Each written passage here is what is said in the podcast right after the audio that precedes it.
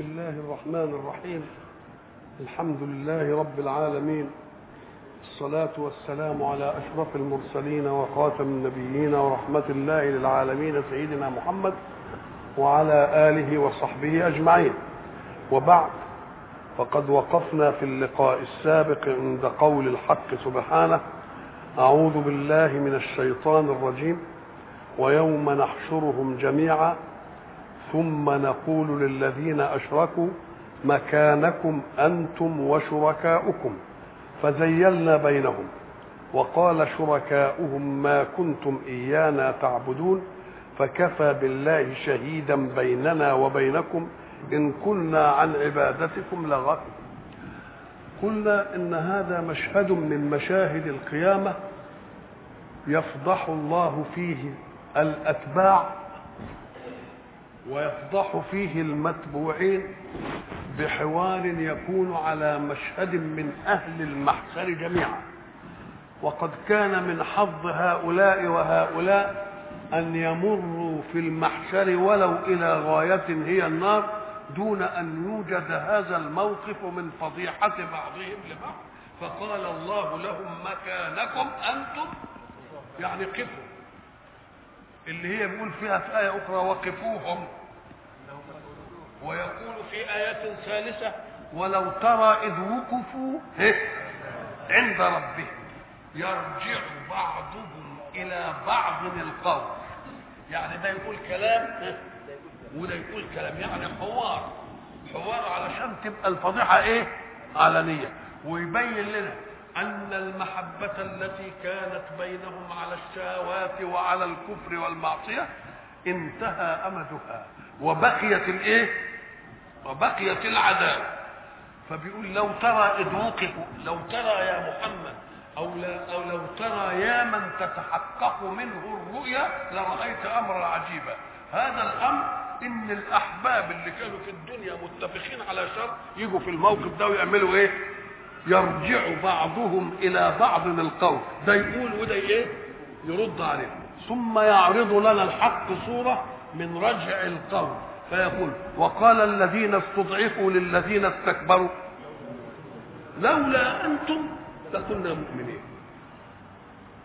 وقال الذين استكبروا للذين استضعفوا أنحن صددناكم عن الهدى بعد إذ جاءكم؟ إن كنتم إيه إنكم كنتم إيه مجرمين. أنتم اللي مجرمين بطبيعتكم. وإلا فسمعتوا كلامنا إحنا ليه؟ الله. وقال يرد ثاني الذين استضعفوا وقال الذين استكبروا للذين إيه استضعفوا. أنتوا قعدتوا تزنوا على أذاننا بالليل وبالإيه؟ بالنهار. وتزينوا لنا الإيه؟ الكفر بالله. وتزينوا لنا عبادة غير مين؟ غير الله. بل مكر الليل والنهار. إذ تأمروننا بالكفر وتعملون كده يبقى هذا يرجع بعضهم إلى بعض من القول يعني ده يقول قول وده إيه؟ وده يرد.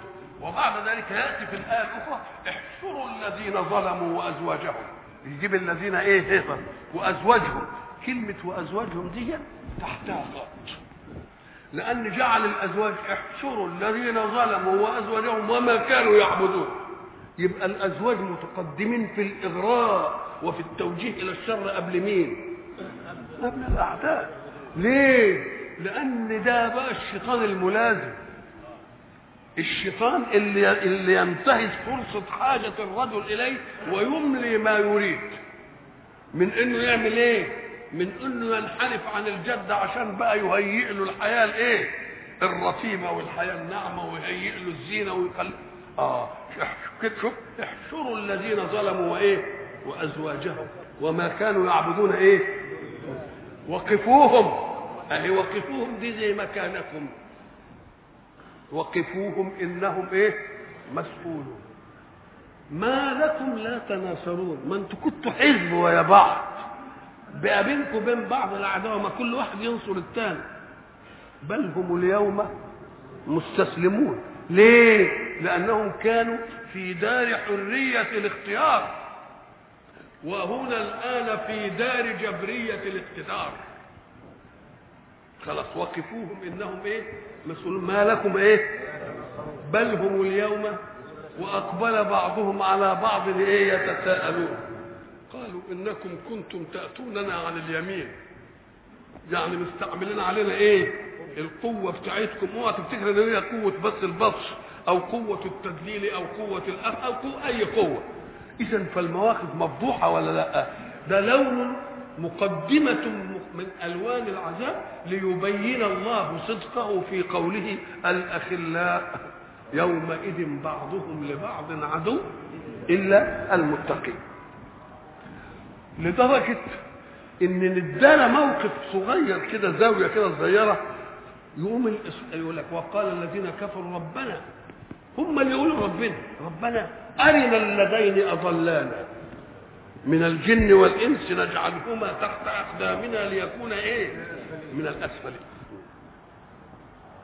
فكفى بالله شهيدا بيننا وبينكم. إن كنا عن عبادتكم لغافلين. هنالك تبلو كل نفس ما أسلفت. هنالك كلمة هنالك يعني في هذا الوقت. أو في هذا المكان. الزمان والمكان هما هما ظرف الحدث. يعني كل فعل لازم له من إيه؟ من زمان ومكان. فإن كان الزمان هو الغالب تبقى تيجي ظرف زمان وإن كان المكان هو الغالب تبقى تيجي ظرف إيه؟ مكان. هنالك دي وردت في القرآن برضو عند قصة سيدنا زكريا. مش هنالك إيه؟ هنالك دعا زكريا ربه. هنالك يعني إيه؟ يعني في هذا الوقت الوقت اللي هو إيه؟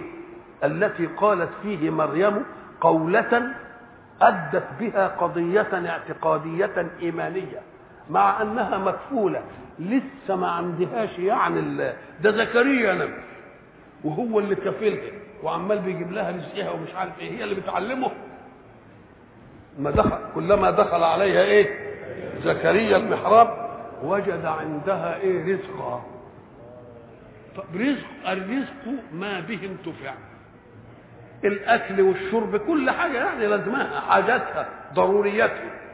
وجد عندها رزقا طب ما هو اللي بيجيب الرزق؟ قال لك اي وجد عندها رزقا لم يأتي هو به. ما هي لازم ناخد كده بدليل أنه قال أن لك إيه؟ فلو أنه من الرزق الذي اعتاد أن يجيء به لما سأل هذا الإيه؟ لقى عندها برتقال وتفاح وهو جايب برتقال وتفاح. إنما هو ما جابش برتقال وتفاح وبعدين دخل لقى عندها برتقال وتفاح. يقوم يقول لها إيه؟ أن لك هذا. يعني أنا ما جبتش دي. أنت جبتيه منين؟ دي ملحظية الكفيل. يقظه الكفيل على كل شيء. حين يجد مكفوله يتمتع بما لم يأت به يبقى يقظته تتطلب منه أن يسأل من أين جاء الأم تشوف ولدها جاب قلم حلو كده هي ما جابتوش ولا أبوه جابه. تقوم تمسكه كده تقوم تجيب ده منين جاب تفاية وهي ما جابتلوش تفاية جاب شوكولاته البنت جابت مش عارف منديل ولا شرب حلو كده بتلبسه وهم ما جابوش لا شرب ولا منديل. يقوم يقول إيه أن لك إيه يبقى مهمة الكفيل يقظة الكفيل أن يتنبه إلى المكفول حين يجده يتمتع بشيء إيه؟ لم يأت به. ودي مش بس نظريه الكفيل ولو الكفيل العام. طب مش هي قضية من أين لك هذا هي ديا حين يراه متمتعا بشيء لا تؤهله حركته في الحياة إليه. يقول له أنت جبت ده منين؟ يبقى ده ميزان عشان يوزن إيه؟ عشان يوزن الحاجة عشان ما فيش واحد يختلس الانتفاع بشيء الغير وكافله لا يعلمه. يبقى لازم كافله يعرف كل حاجة. فلما دخل عليها وجع ده رزق لك هذا؟ يبقى رزق أي لم يأتي به. أن لك هذا منين جبت دي انظر إلى الجواب بقى الدقيق. قالت هو من عند الله. ثم تعلل الجواب. إن الله إيه؟ يرزق من يشاء بغير حساب. أنت ب... أنت اللي بتجيلي بحساب. النهارده جايب لي كذا وجايب لي كذا. إنما هو يرزق بإيه؟ بغير حساب. يا ترى بغير حساب؟ لأنه وجد عندها أشياء لا توجد في مثل هذا الوقت. يبقى العجب من أمرين اثنين شيء لم يات به هو وشيء مخالف للفترة اللي هو فيه. مثلا جابت عنب في زمن غير العنب برتقال في زمن غير البرتقال مثلا. يبقى اذا دي يقظه مين؟ قامت هي قالت له هو من عند الله وأخذ في قضية هذا الجواب إطار قوله إن الله يرزق من يشاء بغير حساب. اوعى تقول لي إزاي؟ ما دام قلت لك إيه من عند الله. لو من عندك أو من عند مساويك كان ما فيش مانع. إنما ده من عند مين؟ من عند الله. وما دام من عند الله فاطرح حسابك في الإيه؟ حسابك في الأشياء. إن الله يرزق من يشاء بغير إيه؟ أهذه القضية كان يغفل عنها سيدنا زكريا. إن الله يرزق من يشاء بغير حساب. ده قضية موجودة. إنما لم تكن في بؤرة شعوره وهذا الوقت فلما هي جت عندها بؤرة شعوره لتجيب على مسألة ردته إلى القضية. مش ردته إلى علم القضية ردته إلى تذكر القضية. فلما شاف إنها بتقول إن الله يرزق من يشاء بغير حساب ذكر نفسه. وقال طب ماني بقى بلغت من الكبر عتية وامرأة عاقر وما دام ربنا بيجيب من غير حساب ويبقى مش ضروري إن أبقى شاب ومش ضروري إنها تبقى كبيرة ومش ضروري إنها ويديني ولد برضه بقى ما هي من غير إيه؟ ما هي من غير حساب هنالك أهي. يعني ساعة ما رد إلى ذكر القضية العقدية الإيمانية في أن الله إيه يرزق من يشاء بغير حساب هنالك دعا زكريا هنالك يعني في الوقت ده تقول في الوقت ده أو في الإيه؟ أو في الزمن أو فيهما إيه؟ أو هنالك دعا زكريا ربه دعاه قال له إيه؟ قال له بقى ما دام أنت بترزق بقى من غير حساب المسألة اتضحت في ذهني. إحنا عايزين بقى إيه؟ ولا وصحيح أنا بلغت من الكبر عتي ومش عارف إيه. وبعدين لما ربنا بشره بالغلام قال الله. بشر بانه هيجيب له غلام. قال له يا رب تاني يعني امرأتي عاقل. قال يعني بي إيه بي- بده ياكد المسؤول بس يعني يعني أنا امرأتي عاقل وأنا بلغت من الكبر عتي بل قال كذلك قال ربك. هو علي هين وقد خلقتك من قبل ولم تكن شيئا. الله. الحكمة بقى في هنالك. هنالك أي حينما ذكرت مريم القضية الإيمانية في أن الله يرزق من يشاء بغير حساب فعلمت كافلها أن يذكر قضية كان هو على علم بها. طب ليه ربنا جاب الحكاية دي؟ قال لك لأن دي القضية دي هي الحصانه اللي هتمنع مريم من أن تظن الظنون بعفتها. لأنها ستضطر إلى هذه القضية يرزق من يشاء بغير حساب هي هتعوزي فربنا خلاها هي اللي تقولها. ليه؟ لأنها هتجيب تولد من غير ما يمسها ذكر. من غير ما يمسها ذكر هي تعلم أن الأسباب جارية في أنه لا يوجد تناسل إلا بوجود إيه؟ ذكر وأنثى وبعدين هي ربنا مقدر لها أنها تولد من غير هذه العملية يقوم ربنا يجيب لها المقدمة دي عشان هي اللي تقول إن الله يرزق من يشاء بغير إيه؟ بغيره وبعدين زكريا طبقها في مين؟ في نفسه وبعدين هي تتعرض إيه؟ تتعرض له وبعدين لما ربنا بقى يجي يقول لها مبشرة إن ربنا جاي يبشرك ب الله بغلام اسمه إيه؟ المسيح إيه؟ عيسى ابن مريم. طب يبشرك بغلام طب ومن قال لها أنك لن تتزوجي وتخلفي؟ إيه اللي جاب الحكاية دي؟ قالت له أنا يبقى لي غلام ولم يمسسني. مين اللي قال لك الحكاية دي؟ ربنا بيقول لك إن أنا بشرك بإن هيبقى لك ابن اسمه إيه؟ المسيح عيسى ابن مريم. طب وإيه اللي خلاك تفهمي إن ما فيش ما لم يمسسك بشر؟ قالت ما هي لما فهمت. شوف الفطنة الفطنة الإيمانية ساعة ما نسبوا إلى أمه عرفت إن أبوه ملغي ساعة ما نسبوا لامه عرفت إن أبوه إيه؟ ملغي قالت بقى أنا إزاي يجيني غلام وأنا لم يمسسني إيه؟ ما هو واحد يقول إيه اللي عرفها الحكاية دي؟ ربنا بيقول لها أنا ههب لك ولد اسمه المسيح عيسى. طب إيه اللي عرفها إنها يعني مش هتتجوز وبعدين يجي لها غلام؟ قالت لا ساعة ما قال ابن مريم يبقى دليل على أن أبوه إيه؟ أبوه ملغي مش موجود. فقالت إزاي هجيب وما فيش ذكر من السنين؟ نقول له إيه؟ ارجعي إلى القضية الأولى في قولك إن الله يرزق من يشاء بغير حساب. نعم. سبحان الله. هنالك يعني في هذا الوقت تبلو كل نفس ما إيه؟ تبلو تختبر. إن كانت عملت طيب تشوف الجزاء طيب ولا لا؟ إن كانت عملت شر تشوف الجزاء إيه؟ شر. يبقى الإنسان يختبر نفسه وقت النتائج بما كان اللي بيروح يشوف نتيجه الامتحان وبعدين يجد نفسه ده سقط وده نجح. يقول لك أهو اختبر نفسه عرف اللي ذاكر إيه؟ نجح. واللي ما ذاكرش؟ هنالك تبلو كل نفس ما إيه؟ ما أسلفت. وردوا إلى الله مولاهم الحق. لكنهم معنى ردوا إنه كانوا عند مولى تاني. مولاهم الحق. طب لكن ردوا إلى الله مولاهم الحق يبقى هم كانوا عند مولى مش حق. أيوه الشركاء اللي اتخذوهم. يبقى ردوا إلى مين؟ إلى مولى. كلمة رد إلى كذا تدل مش بس على إنهم كانوا مع الضد وجاءوا له لا ده تدل على أنهم كانوا معه اولا ثم ذهبوا إلى الضد ثم ردوا إليه ثانيا. مش كده ولا إيه؟ يعني يعني أهي. ثم ردوا إلى الله مولاهم.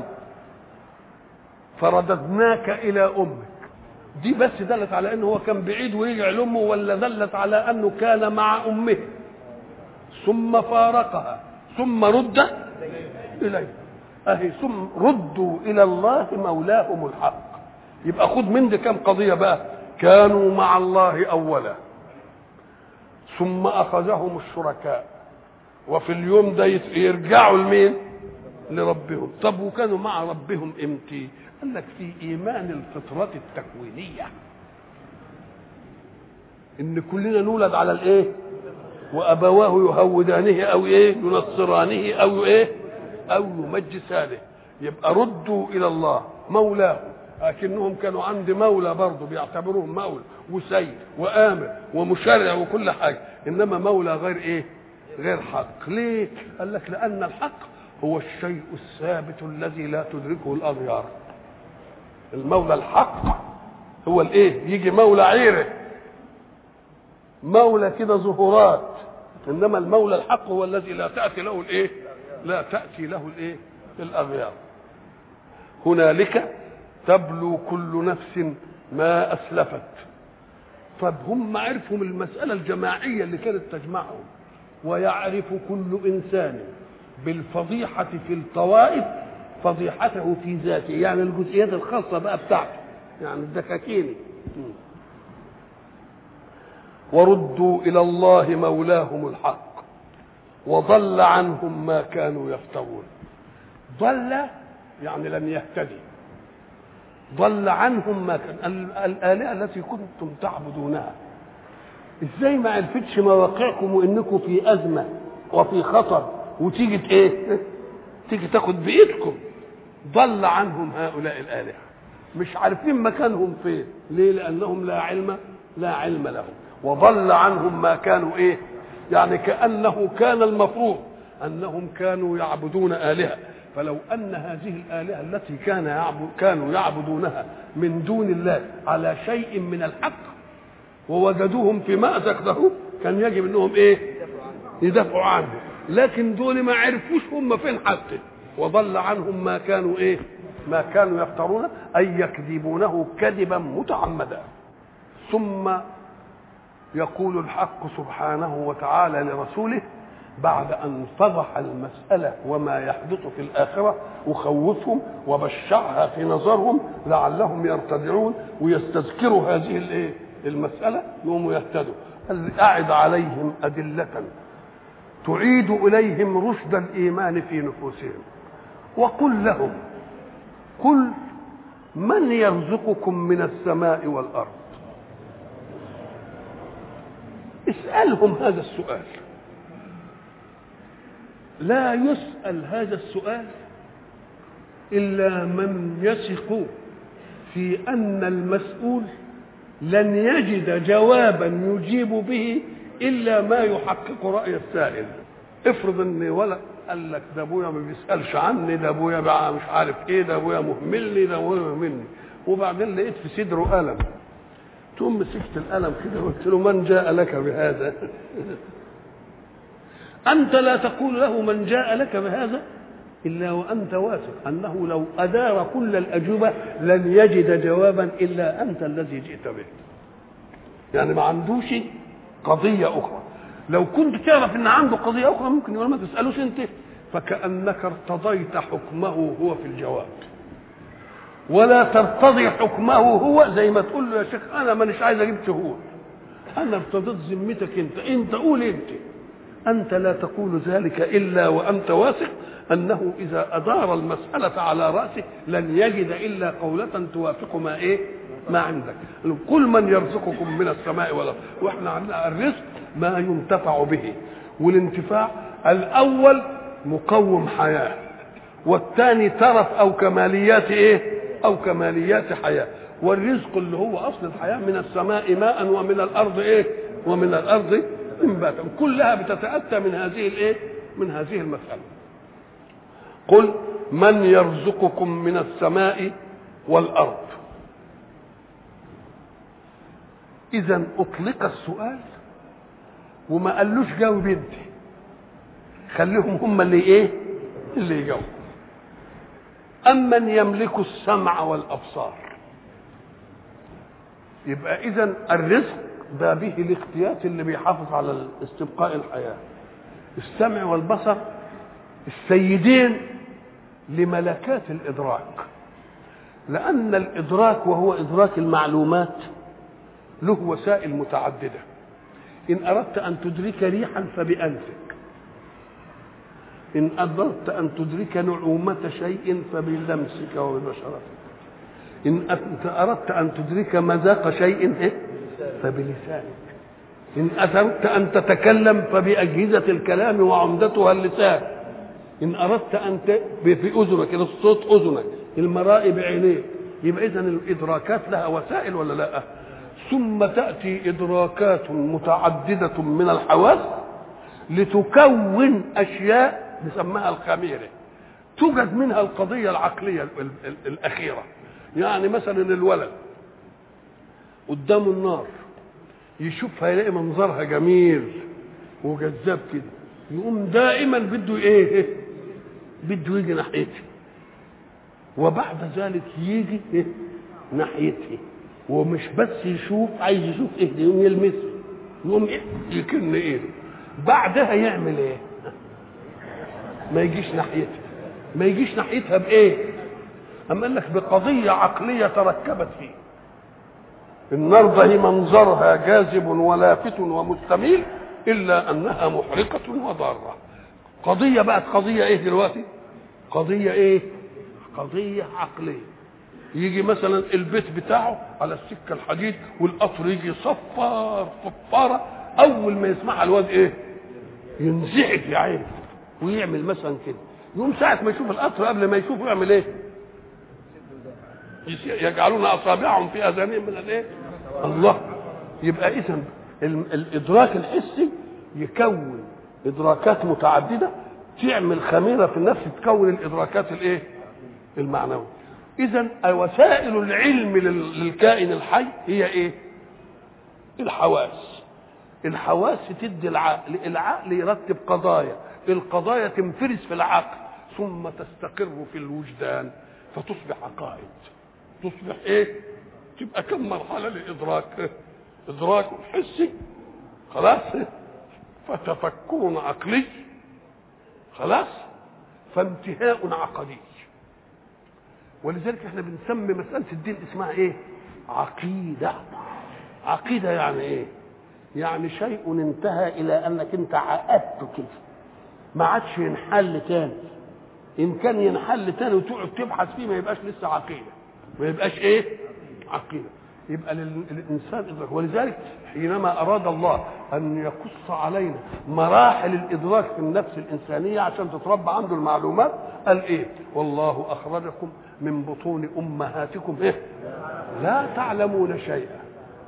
ولذلك يقول لك ده زي ما ولدته أمه. زي ما ولدته أمه يعني ما عندوش إيه؟ يعني على الزيرو زي ما بيقولوا ما عندوش حاجة خالص.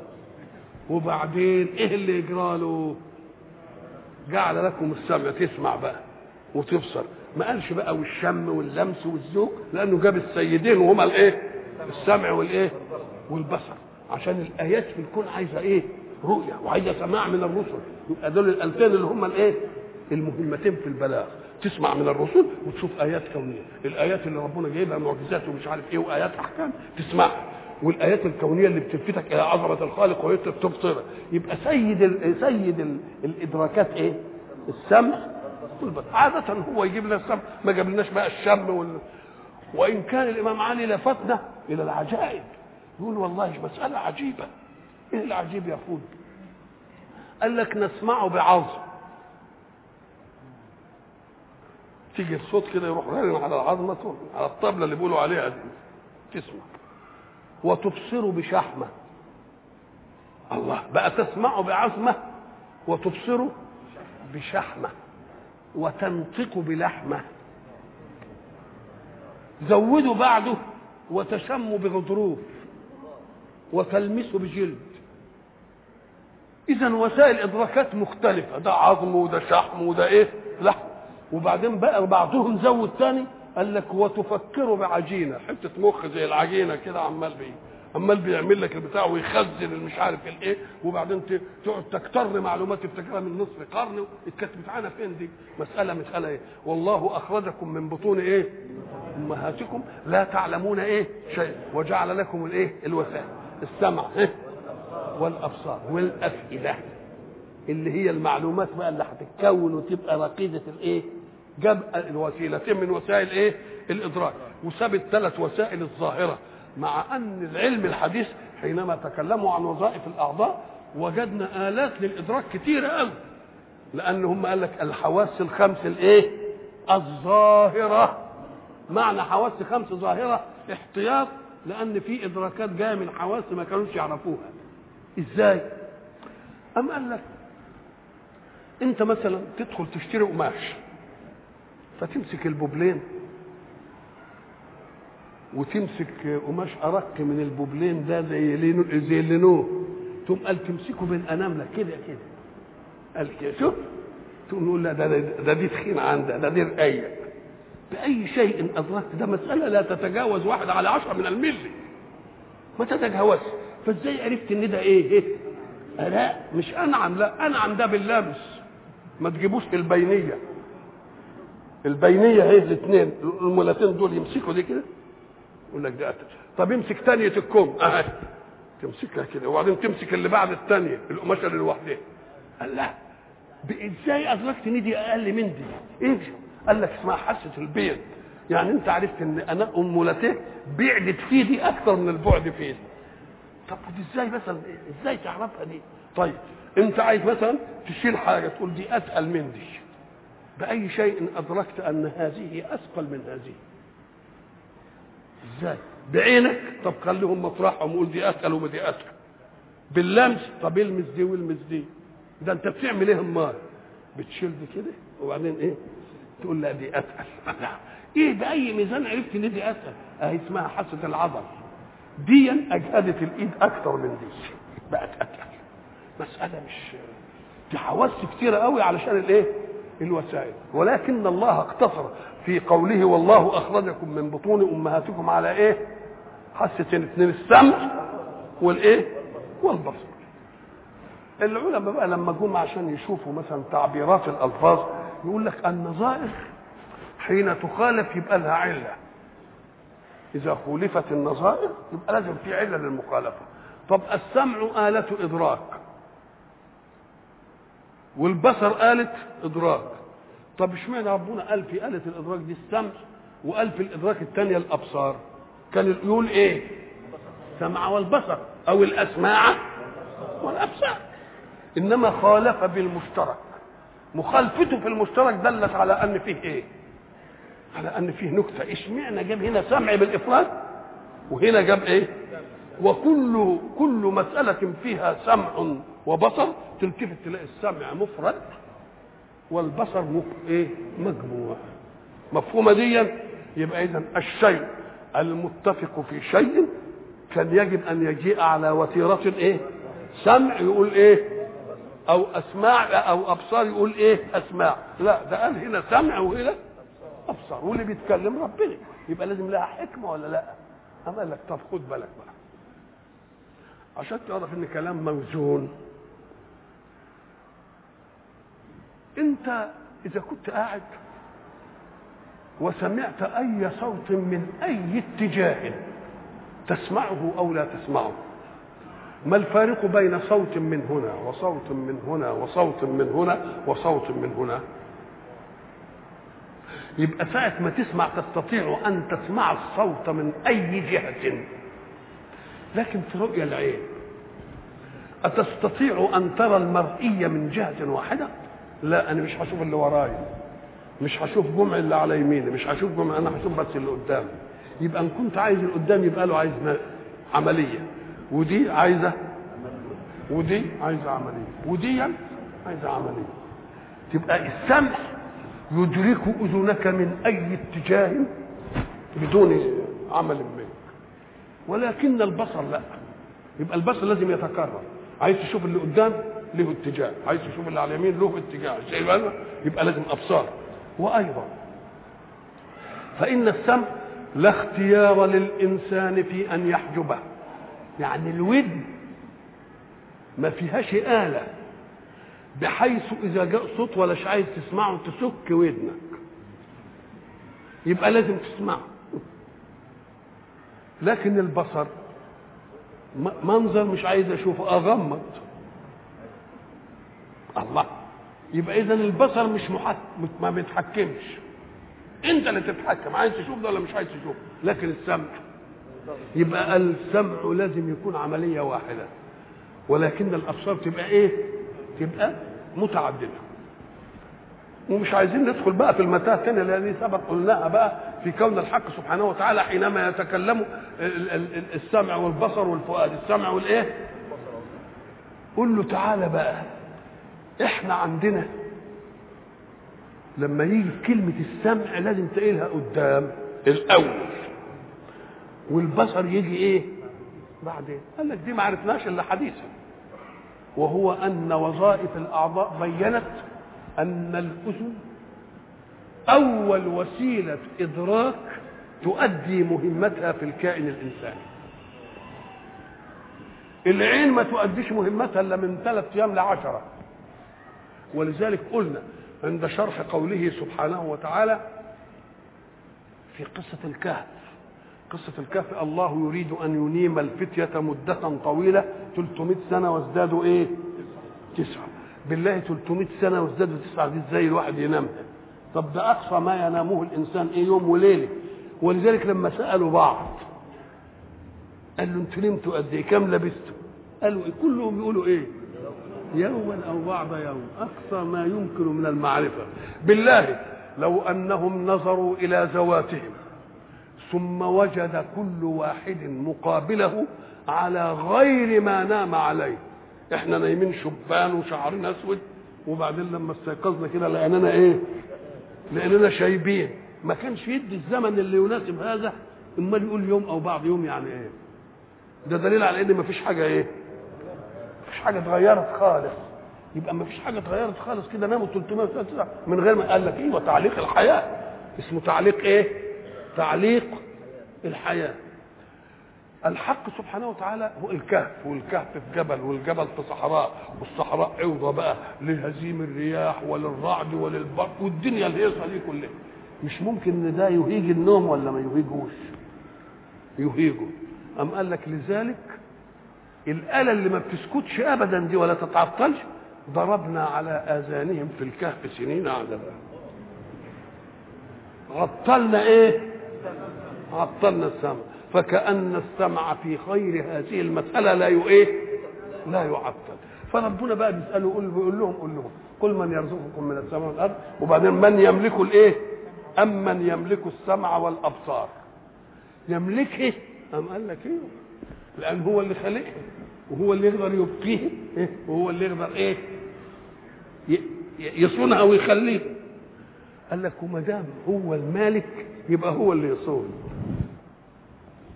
الملك يبقى هو اللي إيه؟ هو اللي يصون.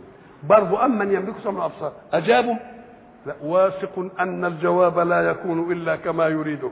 وهو الله هو الذي رزق والله هو الذي يملك السمع والإيه؟ والأبصار. ومن يخرج الحي من الميت ويخرج الميت من الحي. إحنا طبعا عارفين الحي هو ما فيه الإيه؟ الحياة. بس إحنا فاهمين الحياة في الكائن الحي حس وحركة. ولكن كما قلنا في حلقة سابقة كل كائن في الوجود له حياة إيه؟ تناسبه. بدليل إن قلنا كل شيء إيه؟ هالك إلا وجهه. وما دام كل شيء هالك يبقى كل شيء إيه؟ حي. وهيجي له فترة إيه؟ يهلك. إلا أن في ظاهر الأمر الحس والحركة هي الحياة بتاعتنا إحنا. فلما نيجي نلاقي الرجل يأكل يأكل الأشياء مثلا يأكل تفاح ويأكل مثلا كمثرى ويأكل عنب ويأكل مثلا بر ويأكل مثلا خضار ويأكل إيه؟ وبعدين يتكون من هذا الأكل إيه؟ الكائن اللي هيكون منه الميكروب اللي ينشئ الإنسان. يبقى خلق الله من هذه الأشياء شيء فيه إيه؟ فيه حياة. وبيطلع الحي ده من الميت ويطلع الميت من مين؟ من الحي. ومن الذي يقدر على هذه؟ يبقى ما يقدرش عليها الا مين أدعى واحد منهم أنه يستطيع هذه؟ ما ادعاهاش ومن يخرج الحي من الميت ويخرج الميت من الحي ولذلك هو يقول لك إيه؟ اللي يخرج الحي من الميت زي الإنسان من الكتكوت من البيضة. هو اعتبر إن البيضة إيه؟ ميتة. مع أن البيضة فيها إيه؟ لا فيها حياة. بس حياة لا تصل بذاتها إلى شيء إلا بشيء. هذا الفرق؟ إزاي؟ قال لك مش كل بيضة تطلع كائن حي لازم تكون بيضة مخصبة من الديك. فإن لم تكن مخصبة يبقى ما فيش فيها إيه. فلما يجي من فرخة عندنا ومن غير ديك تطلع بيض إيه؟ غير مخصب. ميت ولا ما يطلعش منه جنين. يبقى اذا يخرجوا الإيه؟ آه. فإذا خصبت فيه فرق. بين قابلية الحياة وبين الإيه؟ وبين الحياة. أإذا خصبت البيضة من الذكر اللي هو الديك وفضلت بدون الحضانة المعروفة نلتفت نلاقي طلع منها كتكوت؟ مش ممكن. يبقى إذا مش اللي فيها هي اللي مش فيها حياة فيها قابل للحياة. إن آية بتاعت البلحة إن فضلت نآية كده ومرمية في الأرض يجي في يوم من الأيام نلاقيها بقت نخلة. الله يبقى فيها هي قابلة للحياة إن وجدت لها البيئة اللي إيه لكن إذا خدناها وزرعناها وروناها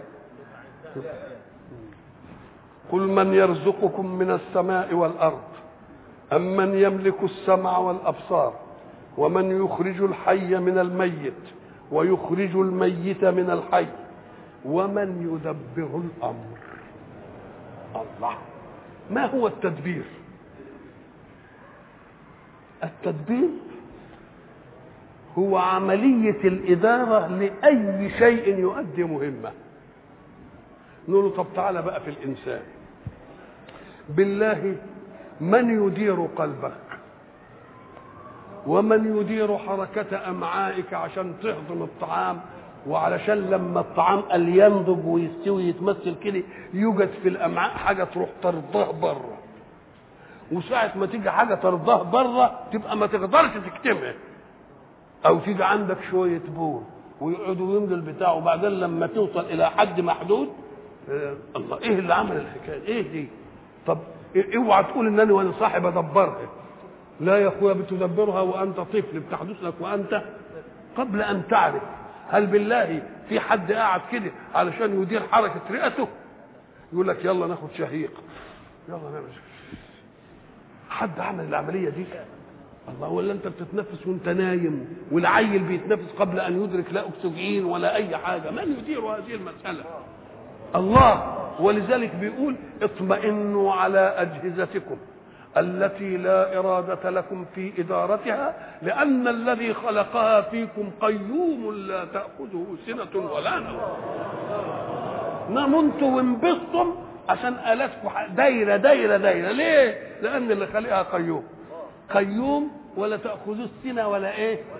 ولا نوم. اطمئنوا كده أصل أنت تقول أنا نام يمكن قلبي يقف أنا نام يمكن الأمعاء ما تشتغلش أنا نام يمكن الكلى ما تفرزش لا يا أخوان.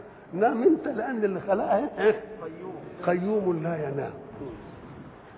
ولا يؤوده حفظهما وحفظ ما فيهما. نعم. ومن يخرج الحي من الميت ويخرج الميت من الحي ومن يدبر الأمر فسيقولون الله. تنتهي الإجابات كلها إلى إيه؟ إلى الله. وما دام الإجابات كلها ستنتهي إلى الله مش كان يجب أننا نرهف آذاننا علشان نشوف الله اللي عمل لنا كل هذه المسائل. عايز منا إيه؟ أوجدت صنعة تحدد مهمتها؟ طب ما دام هو اللي عمل كده رزقنا وعمل سمع وعمل أبصار ويدبر الأمر ويحيي ويعمل. يبقى كان يجب إننا ننتظر منه إنه يقول لنا أنت عايز منا إيه يا اللي خلقتنا إنما أنا اللي أقول أنا أنا مهمتي كذا في الحياة؟ لا ما هوش أنت بقى. صانع الصنعة هو الذي يقول عن إيه؟ عن مهمتها. فكان من الواجب على الخلق أن يستشرفوا ويرهفوا آذانهم لمن يأتي ليخبرهم بإن مهمتكم إيه ونعمل إيه واللي عمل فينا كل الجمال دي نعمل له إيه. فسيقولون الله ما دام الله ما قالوا بقى. ما دام الله هو اللي عمل ده وعمل ده وعمل ده وعمل ده تقوموا أنتوا عايزين تروحوا تخضعوا لغيره ليه بقى؟ ولذلك لما يخضعوا لغيره للشمس ولا للقمر ولا للأصنام ولا ولا اخره نقول له انت بتعبد إيه يا أخوي؟ يقول لك أنا بعبد الشمس وده بتعبد إيه؟ بيعبد الإيه؟ بيعبد القمر وده بيعبد النجوم وده بيعبد الله تقول له طيب ما هي العبادة؟ إيه؟ قول لي العبادة هي إيه؟ العبادة معناها إيه؟ إطاعة العابد للمعبود فيما يأمر به هذه العبادة طب ماذا قالت الشمس لك افعل كذا ولا تفعل كذا أقالت لك شيئا من ذلك؟ تبقى إله بغير منهج. طب ده لازم هي كانت تقول لك اعمل كذا واعمل كذا امال هتعبدها يعني إيه؟ طب الذي لم يعبدها ماذا تصنع له؟ والذي عبدها ماذا تصنع له؟ إذا تساوى عندها من عبدها ومن لم. تبقى الالهه دي إيه؟ يبقى نقد لكل ألوهية غير ألوهية الله. فسيقولون الله. فقل نتيجة لقولهم الله أفلا تتقون؟ طب ما دام الله هو اللي عمل كذا وعمل كذا وعمل كذا وعمل كذا اجعلوا بينكم وبينه إيه؟ وقاية بأنكم تستمعوا إلى بلاغ الرسل عنه وإلى مطلوبات الله. فذلكم الله. وإلى لقاء آخر إن شاء الله.